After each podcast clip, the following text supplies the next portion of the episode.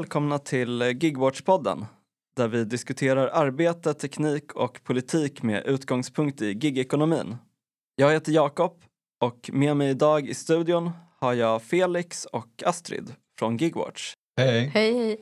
Det är din första gång som du är med i podden Astrid. Ja. Känns det bra? ja, men det känns bra. Känns lite nervöst, men eh, ärofyllt. Det kommer gå jättebra.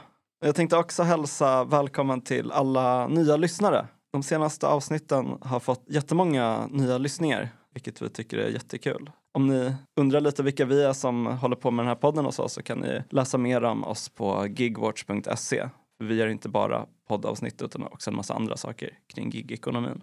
Idag är vi i en lite annan studio än vanligt eftersom Lovina, vår producent och medpoddare, har en massa jobb. Hon jobbar ju i den riktiga gigekonomin, musikbranschen. Men vi har istället fått låna Radio Nordens studio, vilket eh, är jätteschysst. Ja, men vi kanske ska passa på att tipsa också om deras eh, poddapp som också heter Radio Norden tror jag. Där man kan lyssna på inte bara vår podd utan också en massa andra vänsterpoddar. Uh, Okej, men ska vi dra igång? Mm, Ja. vi kör. Vi tänkte att dagens avsnitt skulle vara ett uh, litet frågeavsnitt där vi svarar på frågor från våra lyssnare. Vi får ju in ganska mycket frågor, både relaterat till poddavsnitt och till andra saker vi gör från folk som följer oss. Så ja, men vi tänkte att det skulle vara kul att uh, ha ett avsnitt helt uh, tillägnat att uh, svara på frågor folk har om gigekonomin. Vi har fått in supermånga frågor, typ 15 stycken, kanske ännu fler. Så vi kommer tyvärr inte hinna svara på alla idag. Men vi har valt ut några stycken som vi tyckte var extra intressanta. Vi har också fått in en del oseriösa frågor. och till er som har skickat in det så vill jag bara säga fortsätt göra det. Vi kommer inte ta upp dem i podden men det var väldigt roligt att eh, läsa dem. Bra läsning. Exakt. Det finns ingen fuck, marry, kill. Exakt, det blir ingen fuck, marry, kill. Okej, ska vi köra första frågan? Absolut. Jag har fått den från eh, Martin och han eh, frågar Tror ni på den våg av fackliga segrar som man ser bubbla upp runt om i USA kommer få någon effekt på fackliga organisering i Sverige? Och då tänker jag spontant ja. I och med att vi är kulturellt beroende eller vi lever liksom i trickle down kultur av eh, USA så tror jag absolut att det kommer ge utslag eh, och göra facklig organisering sexig igen. Man ser det väldigt mycket på typ eh, de här senaste segrarna hos Amazon till exempel och Chris Smalls stod senast tror jag var idag eller igår poserade i ovala rummet i Vita huset bredvid Biden med en Eat the Rich tröja. hoppas att de inte gör allt för mycket identitetspolitik av det bara. Ja, arbetaridentitetspolitik. Ja precis, och i och för sig det är kanske det som behövs också för att få för att väcka, väcka oss till liv igen här. Det kan behövas i LO eller de andra. Men vilka är de här äh, fackliga segrarna? Det är dels den här Amazon, det är Alabama va? Var det att de misslyckades här för något år sedan eller så? Att de röstade emot liksom? Men sen så nu har de fått någon ny omröstning eller så? Jag, jag kommer inte ihåg exakt hur det gick till men jag vet att de hade en stor satsning för något år sedan som misslyckades. Jag tror att det var väldigt mycket på grund av Amazons liksom, arbete mot det här genom att ja, men sparka vissa organisatörer, mycket så här skrämseltaktik och annat sånt. Men nu har de röstat igenom det så de har fått sin första fackförbund eh, eller fackförening där i en eh, av Amazons lager och där det även kommit in många fler ansökningar nu om fackföreningar på andra lager på Amazon. Okej, Och även coolt. eh, Starbucks fick ju sin första fackförening. Just det.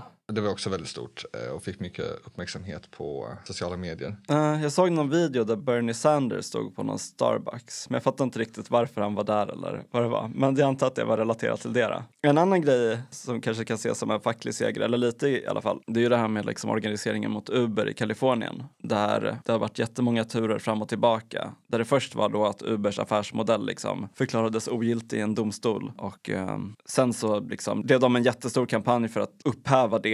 Men sen så när de hade lyckats med det så blev det återigen någon så här upphävning av upphävningen eller något sånt. Repeal of the original peel. Ja, jag vet inte vad de precis. kallar det men ja.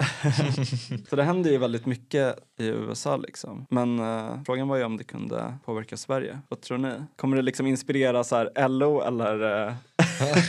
alltså jag tänker att vi har ju fortfarande relativt väldigt hög fackligt medlemskap i alla fall i Sverige jämfört med. Det är väldigt många som är med i facket. Jag vet till och med liksom moderater som är med i facket för att de tycker att det, jag vet inte.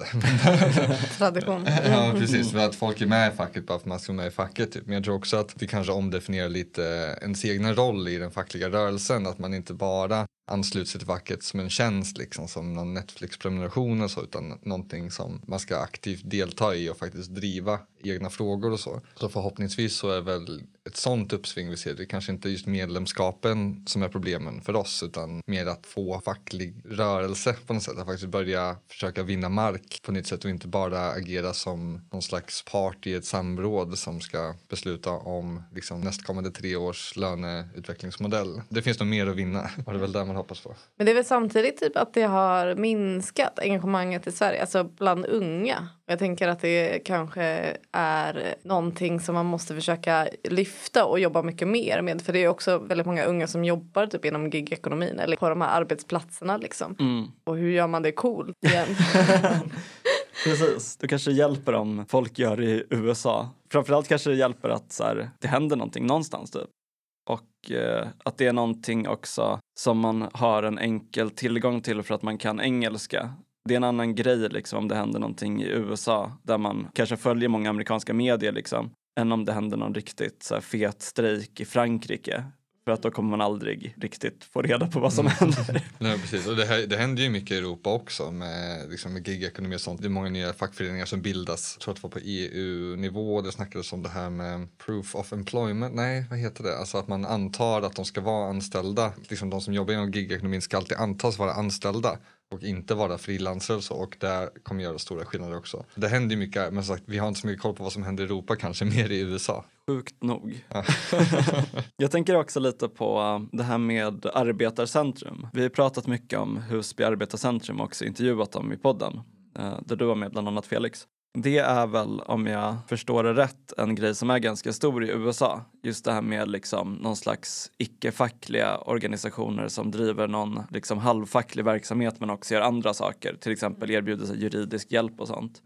Och det känns ju som en väldigt relevant grej också inom gigekonomin. Där det, det kan vara ganska krångligt med så här facklig organisering för att folk inte är anställda liksom. och att de är anställda så kort tid typ. Eller Just liksom det. att det, vem orkar engagera sig så mycket fackligt då om man typ ändå bara tänker att det är så temporärt. Att det Mm. kan vara så här, bara, ja men nu gör jag det här bara typ för att jag måste få in lite pengar liksom. Men det kanske bara är typ tre månader. Och sen så är det ju också typ att det är så svårt att kommunicera sinsemellan liksom. De har ju inget riktigt fikarum att gå till och Nej, men diskutera precis. det här liksom. Ja precis, och det är ju ofta i sådana här fackföreningar så att det är ju karenstid, ibland att du ska vara medlem ett visst antal månader så för Just att det. kunna få tillgång till hjälpen så, så man måste liksom betala inför att få hjälp. Men de här arbetarcentrumen är ju väldigt snabba på att ge hjälp, de svarar ju på en gång och de är väldigt, de är små och väldigt, det, det är inget större maskineri bakom det utan det är några få som arbetar gemensamt för det här så att man får ju liksom en väldigt personlig kontakt direkt och får möjligheten att följa fallet på egen hand också och hjälpa till i Mm. det på något sätt så att man får lite egen makt i, i det hela också. Så det som är nice som händer i USA är typ, om man ska sammanfatta det, någon slags lite större flexibilitet i de fackliga eller halvfackliga organisationerna. Men sen också framförallt kanske att de här segrarna för facket verkligen kommer från någon slags rörelse liksom. Att det inte bara är någon byråkratisk process som typ de i ledningen på facken håller på och förhandlar i, utan det är verkligen liksom saker som händer på golvet i väldigt hög utsträckning. Liksom. Ja precis och sånt ser man inte alls lika mycket av här i Sverige utan här har vi våra större etablerade fack som man prenumererar på och så får man, och så får man den hjälp man behöver på det sättet. Ja, jag vet inte hur många det är som arbetar liksom på de här större fackförbunden som har typ vanliga jobb också eller om de arbetar helt, de flesta som är där arbetar nog heltid med det som liksom ett yrke också. Så Vilket fack är de i då? oh, bra, är de med sitt egna fackförbund? De fackligas fackförbund. Ja, men om vi går vidare till nästa fråga då. Då kommer den från eh, Twitter-användaren Trojkan som är en del av podden Eld och rörelse. Shoutout Eldorörelse. Ja, Och tack för shoutouten. ja precis. De eh, pratade i- i sitt senaste avsnitt lite om gigekonomin faktiskt med Volodja Wagner som är en eh, frilansjournalist som reser runt lite i Öst och Centraleuropa just nu. Väldigt intressant, lite om eh, någon eh, cykelbudstrejk i Moskva nu under kriget. Men eh, frågan gällde en lite annan sak. Så här står det. Säkerhetssektorn är växande och säkerhetspolitik blir en allt viktigare faktor. Ser man tecken på en gigifiering av kriget? Ja, men först när jag såg den här frågan så tänkte jag, det där vet jag absolut ingenting om. men sen så började jag liksom fundera lite och då så fick jag upp något vagt minne av någonting som jag såg på Twitter i början av den här ryska invasionen av Ukraina. Och det var någon tråd som handlade om typ så här små mikrojobb, alltså digitala gigjobb som användes för någon typ av spaningsuppdrag. Typ. Uh, och jag försökte hitta den här tråden ganska länge, men jag lyckades inte med det. Men jag hittade en annan, eh, en intressant artikel som handlade om samma sak, tror jag. Den var skriven av eh, en som heter Olivia Butler som forskar om gigekonomin vid Uppsala universitet. Och eh, hon beskriver i den här artikeln hur eh, Ryssland då i början av kriget använde sig av en plattform som heter Premise, vilket betyder typ eh, Ja, typ get off the premises. Ja, ah, exakt, exakt. Mm. Dra, stick från mina ägor. exakt. Så någonting liksom lite så landrelaterat liksom. Och på den här plattformen så la de då ut olika spaningsuppdrag inuti Ukraina som en typ av gig. Så den här eh, plattformen erbjöd användare då typ 30 spänn för att eh, liksom, ja, men promenera till typ hamnen eller något sjukhus eller någon annan viktig liksom, strategisk punkt i staden där de bodde och sen eh, posta koordinaterna till den på plattformen. Man skickade också ut folk för att typ kolla på platser där man hade bombat för att kolla hur liksom, väl man hade träffat målet och sådär. Så det, det finns definitivt eh, liksom någon slags gig-komponent. Jag tänker också på en annan grej som man har sett under de senaste åren. Liksom det är att man använder mer och mer så kallade liksom smarta vapen som kanske använder någon typ av så artificiell intelligens för att ha någon högre precision. Och eh, någonting som vi har pratat om tidigare i den här podden är ju att det här med artificiell intelligens väldigt ofta är Alltså det är artificiellt. ja, exakt. Det är artificiell, artificiell Det är väl uh, Jeff Bezos som uh, kallar det för det. Alltså, han har ju den här plattformen Amazon Mechanical Turk som han menar då förmedlar artificiell, artificiell intelligens. Alltså arbetare. Ja, precis. Och grejen med det som kallas artificiell intelligens är ju att det egentligen är någonting som bygger på att man matar in jättestora mängder data liksom, i en, eh, till en plattform. Liksom. Och de som matar in den här datan är oftast eh, någon form av gigarbetare. Och det är någonting, vi har pratat om den här boken Work without the worker i podden tidigare eh, som är skriven av Phil Jones, en brittisk författare. Och han skriver också lite om det här med kriget, liksom, eller liksom gigarbete och krig i den boken eh, och beskriver hur eh, det finns folk som jobbar för de här plattformarna, Mechanical Turk och Clickworker och allt vad de heter, som till exempel då får i uppdrag att så här, markera vissa byggnader på kartor utan att det liksom är tydligt vad syftet med det här är. Men att syftet då typ är att programmera drönare för att bomba, jag vet inte, Jemen eller någonting. Ja, precis. Att de sitter och tittar på, typ, är det här en skola? Är det här ett sjukhus? Som man sitter och eh, kategorisera olika byggnader de ser för att en dator behöver en människa för att lära sig, man måste lära mm. AI för att verkligen förstå vad de håller på med. Det är därför man alltid måste sitta och klicka i typ hur många bussar ser du på jag vet den här recaptcha-grejen, man ska logga in på ställena. Just här, eh, hur många bussar, hur många trafikljus är det? Då sitter man ju själva och liksom tränar upp AI för att kunna känna igen så självkörande bilar, känna igen trafikljus och sånt. Och det är samma mm. saker de här, att man sitter och klickar i, ser det här ut som några civila barn eller är de soldatbarn? eller så. Nej men precis. Nej, men jag, jag tänker att ju, ju mer jag funderade över det här med liksom krig och gigekonomi desto mer kopplingar hittade jag. Liksom. Och eh, jag vet inte riktigt hur vanligt det här med de här, som den här premise-plattformen, hur vanligt det har varit i andra krig liksom. Men jag tror inte heller att det är någonting som är så här begränsat till typ Ryssland för att de är extra onda liksom, utan eh, det här är nog saker som kommer användas mer framöver tror jag. Även det här med liksom smarta system med så kallad artificiell intelligens, det används ju redan av liksom alla möjliga vapentillverkare liksom. Säkert av Sverige också någon som har något att tillägga? ja, för jag tänkte, det, det, första jag tänkte på när jag såg den frågan var så här, okej, okay, men kan man liksom beställa hem typ en Jepster fast soldat? eh, så någon som liksom har vapen som kan säga, ja men uppgiften du får 200 eh, dollar om du åker dit och sätter den här bomben där. Just det. Det tror jag, det är väl ganska långt borta. Ja, eh, så liksom. Och sen är ju militär generellt är väldigt privatiserad på många ställen. Typ i USA vet jag att det förändras väldigt mycket. Jag tror att majoriteten av deras militärstyrkor är privata. Mm. Blackrock och sånt där. Och där vet Blackwater, jag inte. va? Blackwater Blackrock ja, är någon slags bank typ. Fastighetsbolag. Blackwater. typ tävling vilket som är det ondaste. Ja, de har så onda namn också. Det låter verkligen så. ja, men precis. Och de, så det är ju mycket privatiserat. De här pri privata eh, militär, eh, militärförbanden de får in liksom sin, jag vet inte vad de har för liksom anställningskontrakt och sånt där, men man kan kanske tänka sig att de också jobbar på någon slags, eh, kanske inte gigbasis men liksom kanske inte får liksom en fast lön utan ja. De får lön när de är och krigar typ eller? Ja precis, det här ah. kanske Eldrörelse kan svara för hur, hur det funkar i privata eh, krigssektorn och så men där finns det säkert någon form av gigifiering också. Just ja. det. Men någonting jag tänkte på, men det här känns lite långt ifrån, typ, men jag tänker också på att vilka, just när det alltså, är en konflikt typ, och det är ett krig, liksom, cykelbuden, typ, vad de får för roll.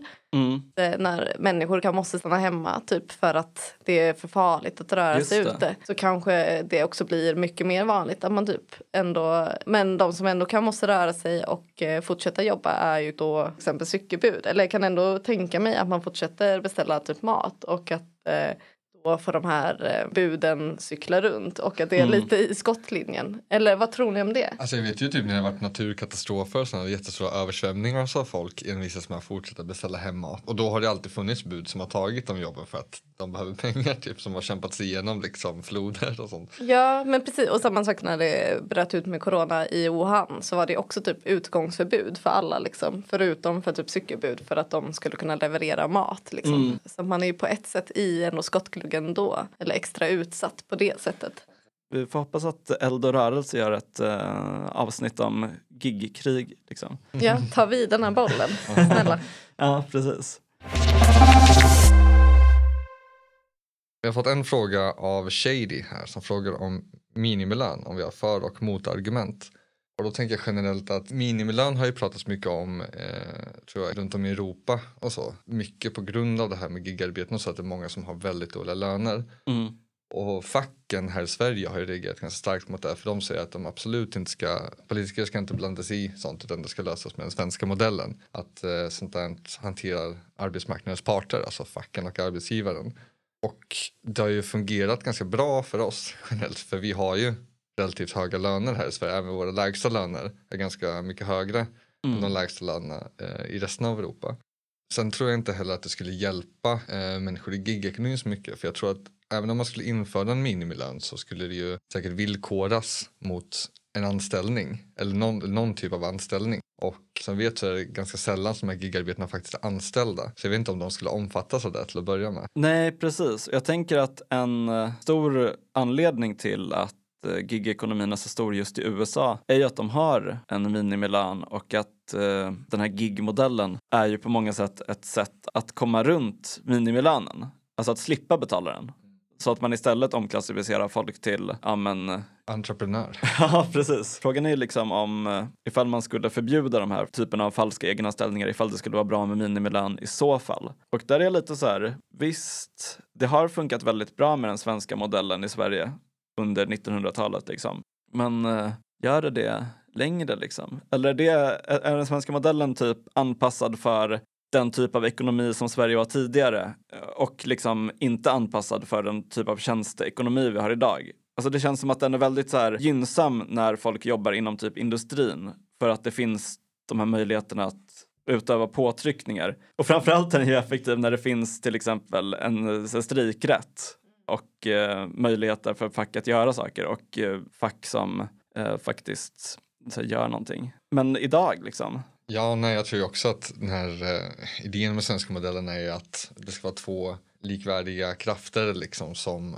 kan på något sätt ha lika mycket att säga till om på arbetsmarknaden men så är det ju inte nu att det fackliga engagemanget sjunker ju Sverige och fackens roll som vi sa tidigare blir mer och mer som en tjänst och kanske inte som någon slags eh, kraft för att föra arbetarnas talan framåt och så, eller för att liksom skapa någon slags framåtvision av hur vi vill ha det. Mm. Och som du säger, att för det växte ju fram med liksom stora industrin här och att vi hade en väldigt stark arbetarrörelse, kanske större och mer omfattande än vad andra Europa haft. Det har ju verkligen tjänat oss väl under typ efterkrigstiden och så. Eh, när vi var fortsatt liksom, industrimakt på det här sättet. Men nu, som säger, när vi har flyttat ut alla sådana tjänster eller sådana tjänster, sådana eh, fabriker och sånt och Mm. har blivit mer och mer ett tjänstesamhälle så Inte alla, bara typ två av tre.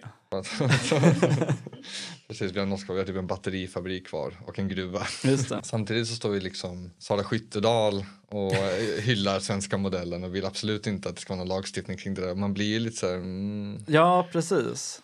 Alltså det är ju lite intressant att, alltså man ser liksom den här kurvan typ med att liksom Sverige industrialiserades fram till typ 70-talet och sen så började liksom avindustrialiseras ganska långsamt. Om jag minns rätt så har den här sist, alltså liksom att två tredjedelar av industrierna har försvunnit och att kanske hälften av dem, en av de tredjedelarna har försvunnit sen bara år 2000 eller något sånt där. Och liksom det finns någonting motsvarande den kurvan som är den här liksom extrema ökningen i ojämlikhet i Sverige. Där Sverige har gått från att vara ett väldigt jämlikt land till att vara ett av världens mest ojämlika, eller har jag Mm. helt fel nu? Ja, men jag tror att det är i alla fall Europa kanske, att vi har Mm. de snabbast eh, växande klassklyftorna i Europa åtminstone. Mm. Så vi har, eh, alltså vi är typ på samma nivå som typ Ryssland vad gäller liksom ekonomisk eh, ojämlikhet. Och då är väl rikedom, alltså ingen, innan någon rättar mig om Gini-koefficient på inkomst eller rikedom, då är det rikedomen vi ligger nära där. Vi har Mm, okej. fortfarande ganska likvärdiga inkomster, på det sättet är vi Ah. jämlika men med rikedom så är vi inte det. Okej, så grejen är att någon har jättemycket pengar på banken typ? Eller? Ja, ett par stycken har, typ. Sveriges oligarker, ja. Mm. Ja, precis. Barbara Engström och våra, Mm. våra oligarker. oligarker. Men om man liksom har den situationen, då kanske det är bra minimilön, eller? Om, om det bara är så här att typ facken blir överkörda hela tiden av både arbetsgivarna och av typ regeringen som liksom tar bort deras rättigheter. Jag är lite, jag vet inte riktigt vad jag ska tycka i frågan faktiskt. Eh, det är väldigt lätt att säga att man är emot det typ. Ja, precis. Det är väl så här, rent reflexmässigt vill man vara emot. Men man tänker där liksom att jag är också facklig engagerad och arbetar med sånt. Och jag tror väldigt mycket liksom på att det är facklig organisering och arbetarorganisering som faktiskt kommer för oss framåt i någonstans och i de största frågorna verkligen. Mm. Men eh, när liksom facken inte driver någon fråga framåt och som säger, man blir, de blir bara överkörda hela tiden av, alla, av näringslivet och så, så känns det som att det inte spelar någon roll och att man verkligen vill hålla så hårt i den svenska modellen och säga att politiker inte ska blanda sig i sig. Vi vet att liksom sen typ 90-talet och framåt så har politiker gått in och lagstiftat om olika saker vad gäller anställningstrygghet och annat. Så det är så här, det finns ju inte kvar, liksom, eller det löftet finns ju inte kvar Nej. heller. Så det är så här, då får man väl hoppas att den här första frågan vi hade om USA eh, och fackliga organisationer där, att det är så här, okej, ja, men om vi får liksom en ny våg av fackligt engagemang och börjar driva sånt framåt, då kan jag vara så nej men då, jag tror inte att minimilön är en sak man ska driva, jag tror att det finns andra saker man kan driva framåt. Just det, det håller jag helt med om. Alltså jag kanske är för minimilön i avsaknad av någon, liksom, så här, om alternativet är att rörelsen kring facken fortsätter vara extremt obetydlig, om det är liksom framtidsscenariot, då är jag för minimilön. Men det finns ju många bättre alternativ, förhoppningsvis. Ja precis, det är så här, annars ska man alltså bara lägga allt sitt hopp till politiker, liksom. vem nu det skulle vara, liksom. så får man bara hoppas att de röstar rätt. Men sen vet man att när det kommer upp där i det parlamentariska så kommer det bara följas av jättemånga kompromisser och sånt vilket kommer vattna ur frågan ändå väldigt mycket. Just det. Så jag tror inte att det kommer, alltså även om man har stor politiker som verkligen tror på det och liksom som vill pusha igenom det så tror jag att det kommer liksom socifieras Mm, och, och bara bli ingenting och det liksom blir, bara blir någon tandlös kompromiss ändå. just det. Liksom en, en facklig rörelse behöver ju inte, alltså den byts ju inte ut över ett riksdagsval utan det är ju något mer livskraftigt liksom som kan hålla, alltså som kan se till att minimilönen inte bara försvinner liksom. Ja precis, för annars kanske ju nästa riksdagsval så kanske den där plockas bort igen. Det beror helt och hållet på vem det är som sitter på makten. Det är också en del av den här svenska modellen att så här, i och med att det kan, politiker byts ut och det är nya partier som är kraft så kan det där ändras fram och tillbaka och då får man liksom ingen kontinuitet i eh, alltså varken liksom industri eller tjänstesektorn och så heller. Att Mm. det är också alltså, någon slags argument att det ger stabilitet i arbetsmarknaden också så att svensk marknad är mer pålitlig på det sättet också för att det inte blir massa snabba förändringar som politiker känner för för att liksom vinna poäng bland väljare. Just det, ah, låter bra. Mm. Jag är emot minimilön nu. Eh, Eh, Kenneth har ställt en fråga som är eh, vilket parti ska jag rösta på i höst ifall jag älskar gigekonomi? Eh, En Bra spont- fråga. Spontant. Ja, typ de flesta. Ja, jag tror att du kan rösta på alla. Sen finns det, alltså, finns väl något som sticker ut väldigt mycket. Som är, det är väl typ Annie, eh, Centerpartiet, Annie Lööf som sagt att det är Mm. bättre med dåligt jobb än inget jobb. Och det är ju, de flesta av de här jobben är ju väldigt dåliga. Så man kanske inte ska rösta på Vänsterpartiet ändå, för de, är, de har ju sagt eh, lite saker kring gigekonomin som har varit kritiska. Vilket kanske inte är så överraskande. Men i övrigt så är det nog ganska ja, valfritt liksom, beroende på vilken kryddning du vill ha på din gigekonomi-acceptans typ. Kritiskt accepterande sossarna, eh, okritiskt accepterande Centerpartiet. Då. Det är ju kul, för de är ju det enda partiet som har, eh, alltså Centerpartiet då, som har tagit eh, ställning för gigekonomin i sitt partiprogram. Vilket de gjorde i höstas faktiskt. Jaha, hur lyder den då? Jag tror att det står typ så här, Centerpartiet tar ställning för gigekonomin. Så jag tror att det bara står så. Och sen, Svart på vitt. och sen står det lite mer saker också, typ att det skapar jobb eller så här. Men det är faktiskt ganska sjukt. Dels att de gjorde det så här i höstas, för det var ändå jag upplever att de senaste åren har det ändå kritiserats mer och mer. Eh, det har kommit ganska mycket så här sjuka reportage om folk som har jobbat inom sektorn liksom eh, och berättat om ja, men riktigt dåliga löner och villkor och så. De är ju modiga, så de sticker ut på alla möjliga sätt. De är även det borgerliga gröna partiet, vill säga. Och, då, och deras liksom lösning på klimatkrisen är att man ska flyga mer. Nej, det är Sara Skyttedal som du nämnde också? förut. Ah, en massa- Kristdemokraterna. Okej, Ja, Ah, ja. precis. Okej, då tar jag tillbaka det. Ursäkta. Ni har säkert en massa smarta gröna lösningar. Säkert fler gigjobb som... Men just det, det stod lite mer saker också i deras partiprogram. En grej är att de vill skapa någonting de kallar för giglotsar. Och det här är baserat på någonting som kallas företagslotsar som tydligen en massa kommuner har. Vilket är någon slags kommunal tjänst som eh, ska hjälpa företag att typ skatta rätt och så. Vilket bara det är så här lite typ, okej varför ska liksom företag få det gratis från staten?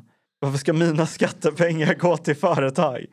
Men nu ska de även liksom göra det till gigarbetare enligt Centerpartiet. Vilket jag tycker är så här, okej det är säkert jättebra för de som jobbar inom gigekonomin att eh, ha möjlighet att typ inte så här skatta fel och åka på någon skattesmäll liksom. Men det är också så här, bara för att de här företagen inte anställer de som jobbar för dem och har en typ ekonomiavdelning som liksom sköter deras löner så ska staten liksom hoppa in och betala det. Det är så jävla konstigt. Men hur skulle det gå till i praktiken? Är det liksom att eh, då giggare får typ en eh, kurs i ekonomi? Eller? Alltså de går inte in på det. Det står bara det där med giglotsar. Eh, jag tror inte att de har tänkt igenom det så bra om jag ska vara ärlig. På nyordslistan då, alltså i detta året är Ja, ja, giglots. Kom ihåg vart ni hörde det. Men det är verkligen så total kapitulation liksom, mot, mot företag på det sättet. Att man erkänner att de verkligen kan inte hantera sånt här och bara säger nej vi måste göra något åt det. Det är så här, igen att alla företag vill, de tjatar ju om att det är så mycket risk att starta företag för att det kan kosta så mycket pengar och sånt där. Och att man alltid, det finns alltid risken att liksom misslyckas och förlora alla pengar. Men Mm.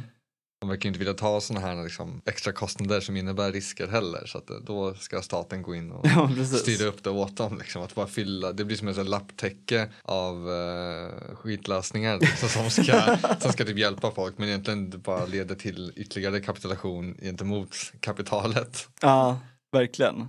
Och det känns så typiskt så här nyliberalt också att man eh, är liksom kritisk mot staten på ett plan och säger typ liksom, ja men arbetsförmedlingen funkar inte därför behöver vi de här privata arbetsförmedlingarna. Men samtidigt när de liksom inte funkar för att de skiter i att informera folk ens om hur man skattar rätt, då ska liksom staten komma in och typ hjälpa dem. Ja, precis. Och det känns bara inte... Ja, det är som ett, Smart. det är som ett städ, städföretag startar och så inser de bara nej men vi vet faktiskt inte hur man städar toaletter. Vi kan städa allt här men vi fixar inte de här toaletterna. Så här, staten bara, ah, men vi, vi, har, vi har folk för det här, vi, vi löser det. Liksom. Ja, men exakt. Det är klart ni ska fortsätta driva näringsliv eller vad det fan kallas. Också att Liberalerna har, eh, är ganska gigvänliga. Ja, det, ja. Jag vet inte om de har skrivit in det i partiprogrammet men eh, ja, det kanske kan bli en fråga de kan driva nu när de inte har någon annan fråga typ. Gigekonomin är bra. ja, vad mer har de? Här- Friskolor är bra. Ja, det, Det det, känns, det känns som att det börjar falla lite där också. Mm. Deras tio resterande medlemmar måste fan börja. Men det här tänker jag vore spännande att typ dyka in i mer. Typ i ett avsnitt, alltså just när det är valår också. Att kunna, vi borde nästan ha en sån typ jämföra alla olika partier och deras eh, program och höra vad de säger. Det, Liksom. Det har vi faktiskt på gång. Oh, lite foreshadowing. Ja, precis. Så eh, det kommer förhoppningsvis att komma snart. Inte i podden än kanske, men kanske i höst. Det här är vårt, sist, vårt eh, näst sista avsnitt för säsongen. Innan sommaren. Exakt. Vi har fått en fråga här av eh, Andreas Lind som skriver inte riktigt relaterat men jag skulle gärna höra er åsikt om bug bounties och sen en Wikipedia-artikel som jag har skrivit ut och har framför mig här. Eh, framförallt aspekten att du teoretiskt sett kan ett lägga massa tid som du inte får något för om du inte hittar några buggar och två att om du ändå hittar något så kan någon annan redan ha hittat och rapporterat samma bugg vilket också innebär att du inte får betalt. Vad är en bug bounty? En bug bounty ska jag läsa från mina utskrivna Wikipedia-artiklar. Eh, det är på engelska nu ska jag försöka göra lite snabba översättningar. Uh, bug bounty programs är någon slags uh, deal som erbjuds av olika hemsidor, organisationer och mjukvaruutvecklare där individer kan eh, få erkännande och kompensation för att rapportera buggar och andra problem liksom som har med typ säkerhets och känslighets känslighetsgrejer med hemsidor och andra mjukvaror. Och det är egentligen att man anställer, eller det, nej det gör man inte, man anställer inte utan man skapar någon slags tävling liksom. Det är väl lite, ganska mycket gamification att så här, man skapar någon tävling, en initiativ där man säger ja men går in på den här och för varje bugg eller något som ni rapporterar som ingen annan har rapporterat innan så kan ni få pengar. Ibland så får man inte pengar utan man kanske får något slags erkännande, kanske får en praktikplats eller någon anställning eller så. Och då tänkte jag igen på Work without a worker. Jag lovar att jag har läst en annan bok också. Nu bara, Phil Jones där. En bra Ehm, bok. Det är en bra bok faktiskt. Men där talar man mycket om det att när man slänger upp en uppgift eh, som kanske till tio personer eh, och så kollar man på vilka eller hur många som fick samma svar så kanske om sju av de där personerna som utför uppgiften får samma svar då antar man att det här är rätt svar. Och de andra tre som fick fel eh, de, eh, ja, de har fel helt enkelt. Så Och det där är istället, typ automatiserat va? Det är någon Mm. jätte så här, enkel typ algoritm som bara, den som flest har sagt eh, rätt är rätt. Precis, så det kanske inte ens är rätt. Det kanske bara är att det, det är flest som har rätt och det är troligtvis rätt för att det är så man får liksom snabba svar. Helt enkelt. Det- Och det är ingen som kan sitta och kolla igenom alla de här sakerna heller. Mm. Och det är väl lite samma sak där, då får ju ganska få av dem betalt. Även fast det är tio stycken som kanske utför uppgiften så kanske bara en som får betalt. Om Mm. de får betalt. Och det är väl lite samma här. Det- är en massa obetalt arbete som absolut man borde få betalt för. Och sen ibland så får de, jag ska bläddra i mina Wikipedia-papper här igen. Eh, Men det var någonstans som hade betalt ut ungefär 70 000 dollar till alla 14 000 deltagare. Så det är 70 000 till 14 000. Nej, 70 000 dollar till 1400 deltagare. Vad blir det? Typ 50 dollar var. Det är ändå så här 500 spänn. Men jag vet inte riktigt hur lång tid man sitter och gör det. Det alltså det, jag tror att det är ganska, man måste nog hålla på och klicka ganska mycket. Och det är inte så jävla mycket pengar. Och förstå, alltså det är ju så Google och typ Yahoo och de där och de har jättemycket pengar. De skulle kunna Just ge det. lite mer tänker jag. Ja. Ja. Man tycker det, men det är så här, och det som är att det är så här, det blir, de gör mer en tävling av det. Det är liksom inget jobb, det är en tävling så kan man få något slags erkännande efteråt, kanske diplom eller liksom knyta kontakter eller något sånt. samtidigt så, så kanske man kan få en obetald praktikplats eller så. Ja, det var väldigt mycket där. Så jag tycker att du ska läsa den här Work Without a Worker av Phil Jones för de, det tar upp lite liknande saker där. Mm, verkligen. Eh, och just inom mjukvaruutveckling och sånt tror jag att det, alltså frilans och sånt är väldigt vanligt där också. Jag tror att det, det alltså inte bara finnas med mjukvaruutveckling men i så många sektorer så är det ju förväntat att man ska göra väldigt mycket gratis jobb. Alltså det är samma sak i typ reklambranschen. Det är typ Coca-Cola och massa andra sådana att man ja, men skickar in era bästa liksom, reklamfilm. Eh, och så får man lägga massa tid på att producera en snygg reklamfilm som man sen skickar in och så kan de använda det i stort sett utan att betala en och så kanske man kan få betalt eller kanske en anställning men det förväntas alltid att man ska göra jättemycket obetalt jobb för att få möjligheten att kanske få ett jobb. Och jag tror att det Men står det vilka som jobbar med de här sakerna typ på Wikipedia? Många Just det, papper. Wikipedia hade som, de hade som en, eh, den goda versionen av det, alltså sajten Wikipedia. De, de hade i höstas att så här, om man redigerar typ fem artiklar om eh, något ämne kopplat till Asien, då kommer man få hem ett vykort från Wikipedia med något asiatiskt tema. Plus man kunde vinna att bli svenska Wikipedias Asienambassadör. alltså, allting obetalt såklart för att det är ju Men du får på ett det bra diplom. sättet. Ja, det är bra. Det är, det, är, det är den goda fighten. Sig, Vi får inte betalt för det här heller. Nej, exakt. Så det, när, när, ska våra, när ska vi bli ambassadörer för eh, någon? Jag vet inte, det känns vi, vi pratar så mycket om olika gigföretag. Vi borde nästan få betalt för att vi pratar så mycket om dem. Även Just fast vi det. inte pratar så gott. Så all All reklam, PR är god all, ja, PR. precis, all PR är, är bra PR. Så kanske borde fakturera till dem. och så. kanske finns någon som har börjat använda Jepster efter att ha fått tips om det i den här podden. Här hade de i och för sig i mars 2016 så, så var det någon som heter Peter Cook annonserade att the federal government, alltså staten i USA, hade sin första bug bounty program, Hack the Pentagon program. Just det, det tror Ja, jag det var den här som om. var, det var, ja precis, det var den. Hack the Pentagon program gick från, ja, i en typ en månad och det var 1400 personer som skickade in 138 unika, korrekta eller ja, viktiga rapporter och in total the US Department of Defense paid out 71,200 dollars. Och det är ändå Department of Defense Ja, i USA. de har mycket budget. De har jävligt mycket pengar. De betalar in så sjuka summor saker. Och det var så här, ja. Just det, återigen tillbaka till eh, det här med gigekonomi och eh, militär. Hack the Pentagon. Folk som sitter och letar buggar på Pentagons hemsida eller på deras typ intranät eller något. Vi har fått en liten anonym fråga från eh, Anonym som säger frågar Ni kritiserade Fedoras kollektivavtal rätt mycket när det kom. Hur har det gått med det? Är det ändå bättre att använda Foodora än Bolt, Uber Eats och så vidare? Vad är det enkla, enkla svaret på det här? Att inte använda något av de här kanske? Foodora, Bolt, Uber Eats eller och så vidare. Men eh, ja, hur har det gått? Ett år senare. Ja, men det har väl inte gått så bra liksom.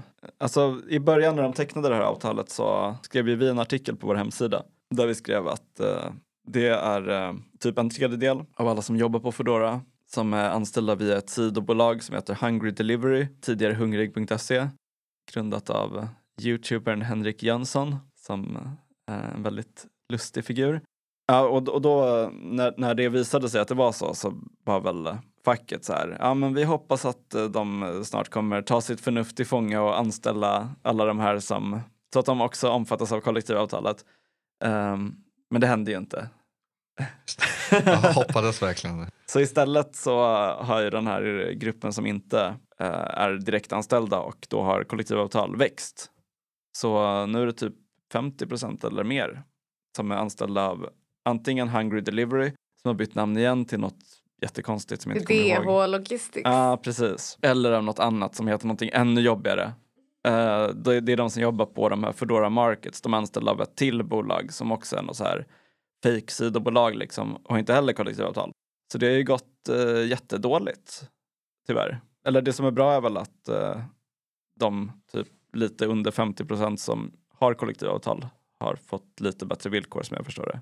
Men eh, resten har ju riktigt dåliga villkor. Precis, och då är det ju framförallt eh, bilbud, alltså folk som kör bilar som inte då omfattas av de här eh, kollektivavtalen. Ja men precis. Eller personer som jobbar i dark stores, Ja. alltså lagerarbetare. Exakt. För att det här hungrig.se-företaget då, som sen blev Hungry Delivery, som sen blev DH Logistics, de var ju baserade typ i Skåne. Eh, så de hade jättemånga anställda bilbud. Jag tror att de var baserade i Skåne och sen lite typ i lite mindre städer i Sverige. Alltså där det inte är lika värt att cykla runt med mat, för det är större avstånd. Så de hade en hel flotta liksom av bilbud som sen togs upp av Foodora och sen då inte omfattas av avtalet. Precis, men man tror ju fortfarande, alltså det är ju som att de har eh, pinkwashat då i hela liksom Foodora. Alltså för att det är också svårt att veta vilka är det som omfattas av de här kollektivavtalen för de är ändå samma typ av ja, men, kläder eller det är fortfarande de här, eh, den rosa uniformen. Liksom. Just det, precis. Det är inte som att det liksom när man beställer en pizza så står det typ budet som levererar din mat eh, har kollektivavtal. Eller typ så här, vill du välja ett bud som har kollektivavtal? Just det, 10 kronor mer för att välja någon med kollektivavtal. Utan det är helt omöjligt att veta som kund liksom. Så det är riktigt sneaky alltså. Och de har verkligen fått lite goodwill liksom genom att eh, ha det här avtalet. Så om det är bättre att använda Foodora än de andra, jag vet inte. De är ju, eh, Det, det är ju de, är de precis mest sneaky i alla 50, fall. 50 procents chans att det är Ja, bättre. vad, är, vad är utfallet på det? Men vad är en sån eh, dark, dark store egentligen? Är inte det som har, där de typ lagar mat och har alla matvaror när man liksom beställer Nej, det är ett dark kitchen. The Dark Kitchen, okej. Dark Store är väl där det är typ en matbutik, typ en ICA fast det liksom, man kan inte gå in där och handla utan man kan bara beställa hem från det. Så att det är som Exakt. ett litet lager med käk, typ som Mathem eller något annat sånt. Så kommer någon Just det, för de, de har ju börjat med någon sån typ av tjänst, eller hur? Att de kör ut, eller man kan Mm. handla från en butik, typ att handla kondomer. Om du tycker det är pinsamt att gå till din vanliga ICA så kan du köpa från en, grovt. från en gigarbetare istället. Ja, där känns det ganska sjukt att man ska skicka in massa gigarbetare som går och plockar liksom varor. Ska man stå i kö och så kanske man inte hittar rätt vara. Och så är det, ja gud jag läste om det på Twitter häromdagen. Det var någon som skulle göra lite wokeism av eh, att de har ju massa, så himla många konstiga appar där också. Men det var någon Instacart eller något sånt där man också kan beställa någon som går och handlar åt en. Och så var det någon kvinna som pratade om att typ, ah, min, min Instacart delivery guy är en man. Han har valt fel ost, han hittar inte det här. Jag har gett upp hoppet helt om att det kommer bli rätt. Och typiskt liksom män inte kunna välja rätt, rätt ostar och typ bindor till mig.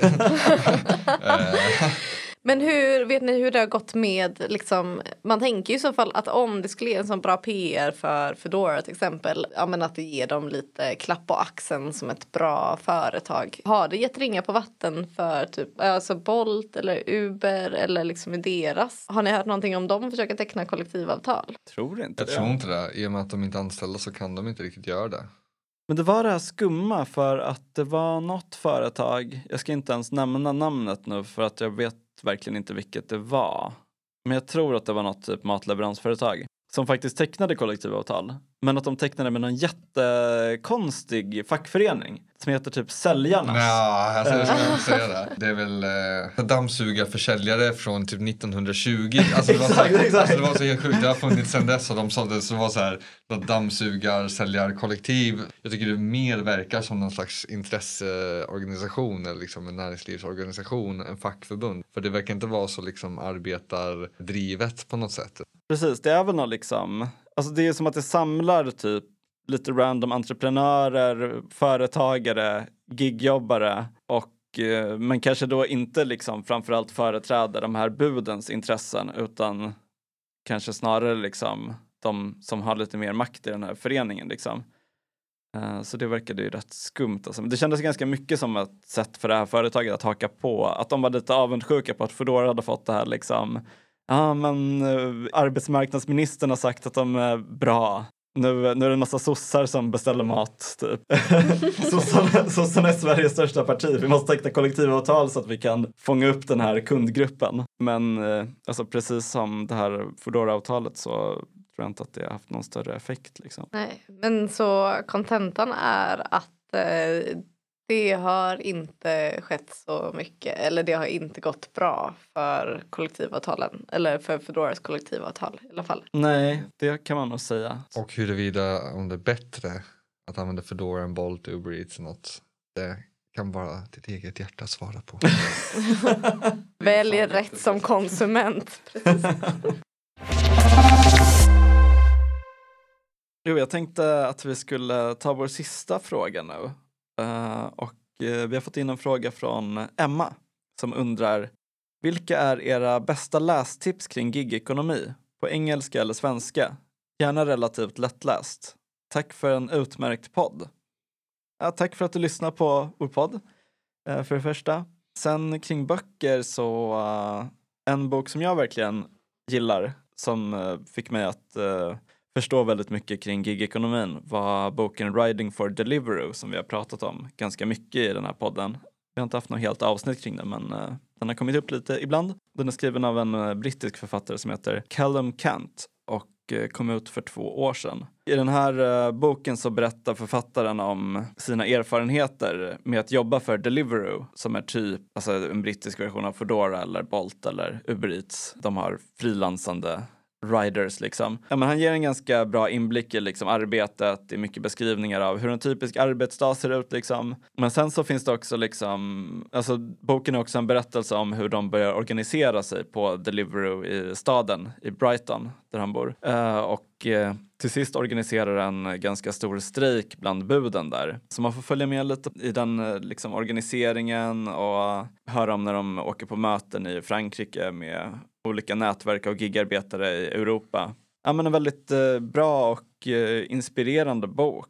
Men den har också liksom, det, det är dels den här liksom berättelsen om ja, men arbetsplatsen och arbetsplatskampen. Men det finns också ett eh, liksom teoretiskt och historiskt perspektiv som placerar gigarbetet lite i liksom en kontext och visar vilka likheter det finns med typ ja, men daglöner i hamnar och i industrier tidigare i historien eller 1800-talet, tidiga 1900-talet. Men den handlar ju också väldigt mycket om liksom det som är nytt i gigekonomin, om eh, de här uh, algoritmerna och eh, hur, eh, hur arbetarna liksom försöker få en insikt i de sätt som deras arbete styrs på. Vilket är någonting som skiljer sig väldigt mycket från de här, liksom, det här daglönarsamhället. Liksom. så det tycker jag är en väldigt bra bok, Riding for Deliveroo. Sen har jag ett annat boktips också som inte riktigt handlar om gigekonomin men mer om plattformskapitalismen som helhet. Och det är en bok som heter just då Platform Capitalism av en författare som heter Nick eh, tror jag hans namn uttalas. S-R-N-I-C-E-K. Låter lite östeuropeiskt kanske. Eh, men han är väl kanadensare eller något sånt. Det här är i alla fall en ganska kort bok eh, som eh, går igenom liksom dels hur kapitalismen utvecklats de senaste 50 åren och sen hur det kom sig att de här plattformsföretagen uppstod. Allt från Google, Amazon, Facebook till Uber och även liksom ja, men, industriföretag som använder plattformar. Och han knyter ihop det på ett ganska bra sätt och visar typ varför data är viktigt för de här företagen, vad de gör med all den här data de samlar in och hur det kommer sig att de växer så otroligt snabbt. Och sen så pratar han också ganska mycket i slutet om hur de här företagen konkurrerar mot varandra och Eh, gör det på ett väldigt speciellt sätt. Ja, men hur det skiljer sig liksom från typ konkurrensen mellan Volvo och Saab liksom. Utan i plattformskapitalismen är det lite mer konstiga allianser som uppstår mellan olika plattformar och sen bryts ner liksom. Det tycker jag är en uh, jättebra bok som verkligen har hjälpt mig att förstå mycket kring, inte just arbetet i gigekonomin, men kring den logik som styr de här plattformarna liksom som gigekonomin utgörs av. Har ni andra några bra boktips? Ja, alltså jag har läst en eh, jätterolig bok av Tommy Sundvall som har gett ut den på Galago. Ja, men det är en seriealbum som heter På äventyr i senkapitalismen. Den handlar om då Morris, John och Hunter som eh, försöker ständigt leta efter nya jobb eller nya gig och eh, olika sätt att försörja sig. Det är en eh, ja, men satirisk seriebok och eh, den är väldigt enkel och rolig att ta till sig och eh, handlar ju bland annat om att deras hopplösa jakt på att försöka samla in elsparkcyklar och hur det går. De försöker också organisera sig när de jobbar på en kyrkogård. Som typ dödgrävare eller? Dödgrävare, exakt. eh, och den här fackföreningen blir då istället, spoiler, blir ju eh, ett ställe som massa emos kommer till. För de bara oj dödgrävar. Wow. Och så blir det som... Ja exakt. Och så blir det som en techno, det blir en technoklubb som tas över. Jag tycker serier generellt är väldigt bra för att kunna liksom ta till sig på ett enkelt sätt. Liksom. Det är en bra motvikt till lite mer så teoretiska böcker. Och den kom ju, den är sprillans ny för den kom i år. Vem var det som hade skrivit den sa du? Tommy Sundvall. En annan eh, bra seriebok är också Darja Bogdanskas bok Wage Slave som handlar om, inte gigekonomin riktigt, men eh, restaurangbranschen i Malmö, på Möllan. Den är jättebra. Vet inte riktigt om det finns några fler så här, seriearbetarlitteratur typ. Jag kan tänka mig att det kommer komma. Att ja. det känns som att det har fått ett uppsving även i litteraturen typ. Och är det inte i serieformat så kommer det säkert komma mer sådana skönlitterära typ någon i Stockholm som går ut på trädgården men måste försörja sig och kanske då för att försörja sitt DJ-liv till exempel tar olika Om någon från eh, Norstedts lyssnar nu så så får ni kontakta Astrid. Precis, har vi har nya Per-Anders Fogelström här som ska... Exakt. Ja, 2022. Just det, på tal om uh, Darja Bogdanska också, så var det ett uh, lite kul eh, panelsamtal som jag missade eftersom det var i Umeå eh, med eh, Tommy Sundvall som har skrivit då den här serieboken. Eh, Darja och eh, Anders Teglund som har varit med i vår podd tidigare och pratat om sin bok Cykelbudet. Jag hoppas att eh, exakt samma panelsamtal kommer arrangeras någonstans närmare där jag bor i framtiden. Det är väl också ett boktips, Anders Teglunds bok. Ja, verkligen. Men ni kan redan prata om den massa i podden. Men ändå ett bra, bra tips. Absolut. Jättebra dagboksskildring av arbetet på Foodora eh, som ni kan eh, höra mer om i vår intervju från i höstas med Anders. Och vi gjorde väl även ett avsnitt om uh, Work Without a Worker av Phil Jones som vi har nämnt ett par gånger. Jag vet att du och Lovina pratar väl om det. Ja, precis. Eh, och det är ju mer om... Halvt avsnitt, typ. Ja, ett halvt avsnitt. Men vi hade en liten studiecirkel, du och jag och några till från Gigwatch. Precis. Det är en ganska kort bok, den var väl knappt 110 sidor eller så. Ja, precis. Och den, eh, även fast den känns, den är ganska mörk att läsa vad, händer, vad som händer liksom, att de eh, rekryterar folk i flyktingläger och tvingar folk i fängelser att jobba liksom, för Mm. olika onlineplattformar för det här som jag nämnde tidigare om att sitta och eh, kategorisera typ ja, men bussar eller annat för att träna upp AIs och sånt och massa sådana här eh, typer av liksom, klickarbete som betalar väldigt lite om de ens någonsin får betalt. Eh, men den är, den är bra, den slutar ganska hoppfullt i alla fall. Jag ska inte spoila. Ja, jag tyckte också att den var en väldigt bra bok om just den här typen av eh, digitala gigjobb. Jag läste en annan tidigare som heter Ghostwork som också är så här, den är helt okej men uh, den känns väldigt så här opolitisk och uh, ja, lite trist på det sättet helt enkelt. Men det är väl också ett tips om man vill fördjupa sig i den typen av gigjobb, också ganska lättläst liksom. Men som sagt, jag tycker att den var lite eh, trist. Är inte det sista tipset vår egna rapport? Ja, just det. Just det, Apparna vi och arbetet. Finns att läsa som pdf på vår hemsida gigwatch.se. Det går även att beställa hem i pappersformat. Det ska komma ut som en eh, ny utgåva snart. Precis. Den går inte att beställa just nu men förhoppningsvis kommer den finnas snart på förlaget Nixon. Drivs av Ung Vänster. Och man kommer kunna köpa den från oss när vi har olika aktiviteter. Men det är också ett väldigt bra tips. Handlar lite om eh, gigekonomins framväxt och innehåller också en eh, lite arbetsskildring från företaget Move by Bike i Stockholm där vår medlem Anton har jobbat. Men det var väl alla boktips? Ja, jag tror det. Mm. Ni får gärna tipsa oss också om eh, Ja, tillbaka. Det om är jättekul när ni Ja. mejlar in olika tips och sånt. Det är jättevälkommet verkligen. Ja, superuppskattat. Det, jag tycker också det är väldigt kul att få tips på olika saker. Oavsett om det är en bok eller en ny skum reklam någon har sett i tunnelbanan typ. Men jag har en till fråga som jag tycker att vi borde besvara innan vi avslutar. Den kommer från en anonym avsändare och den undrar Hur kan jag stötta er i Gigwatch? Oj. Ja. Har ni några tankar kring eh, det? Eh, vi har en Patreon som ni kan bli medlemmar på. Det är sant. Gigwatch.se Patreon. Ni kan även eh, följa oss på sociala medier. Det är ännu bättre.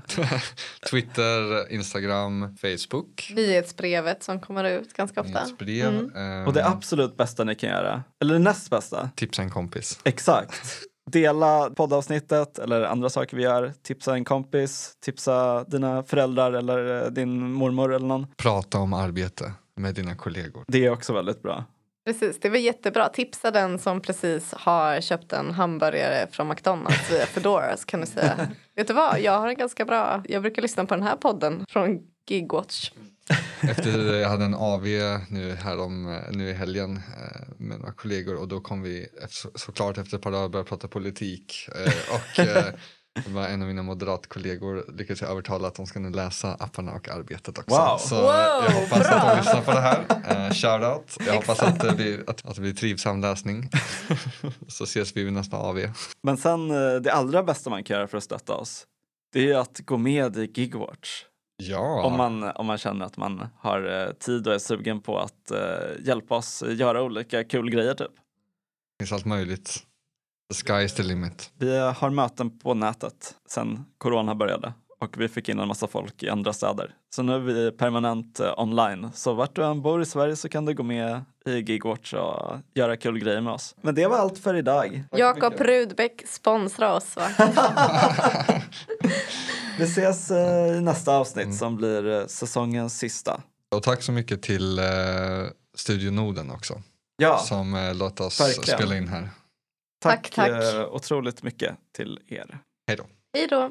Hej då.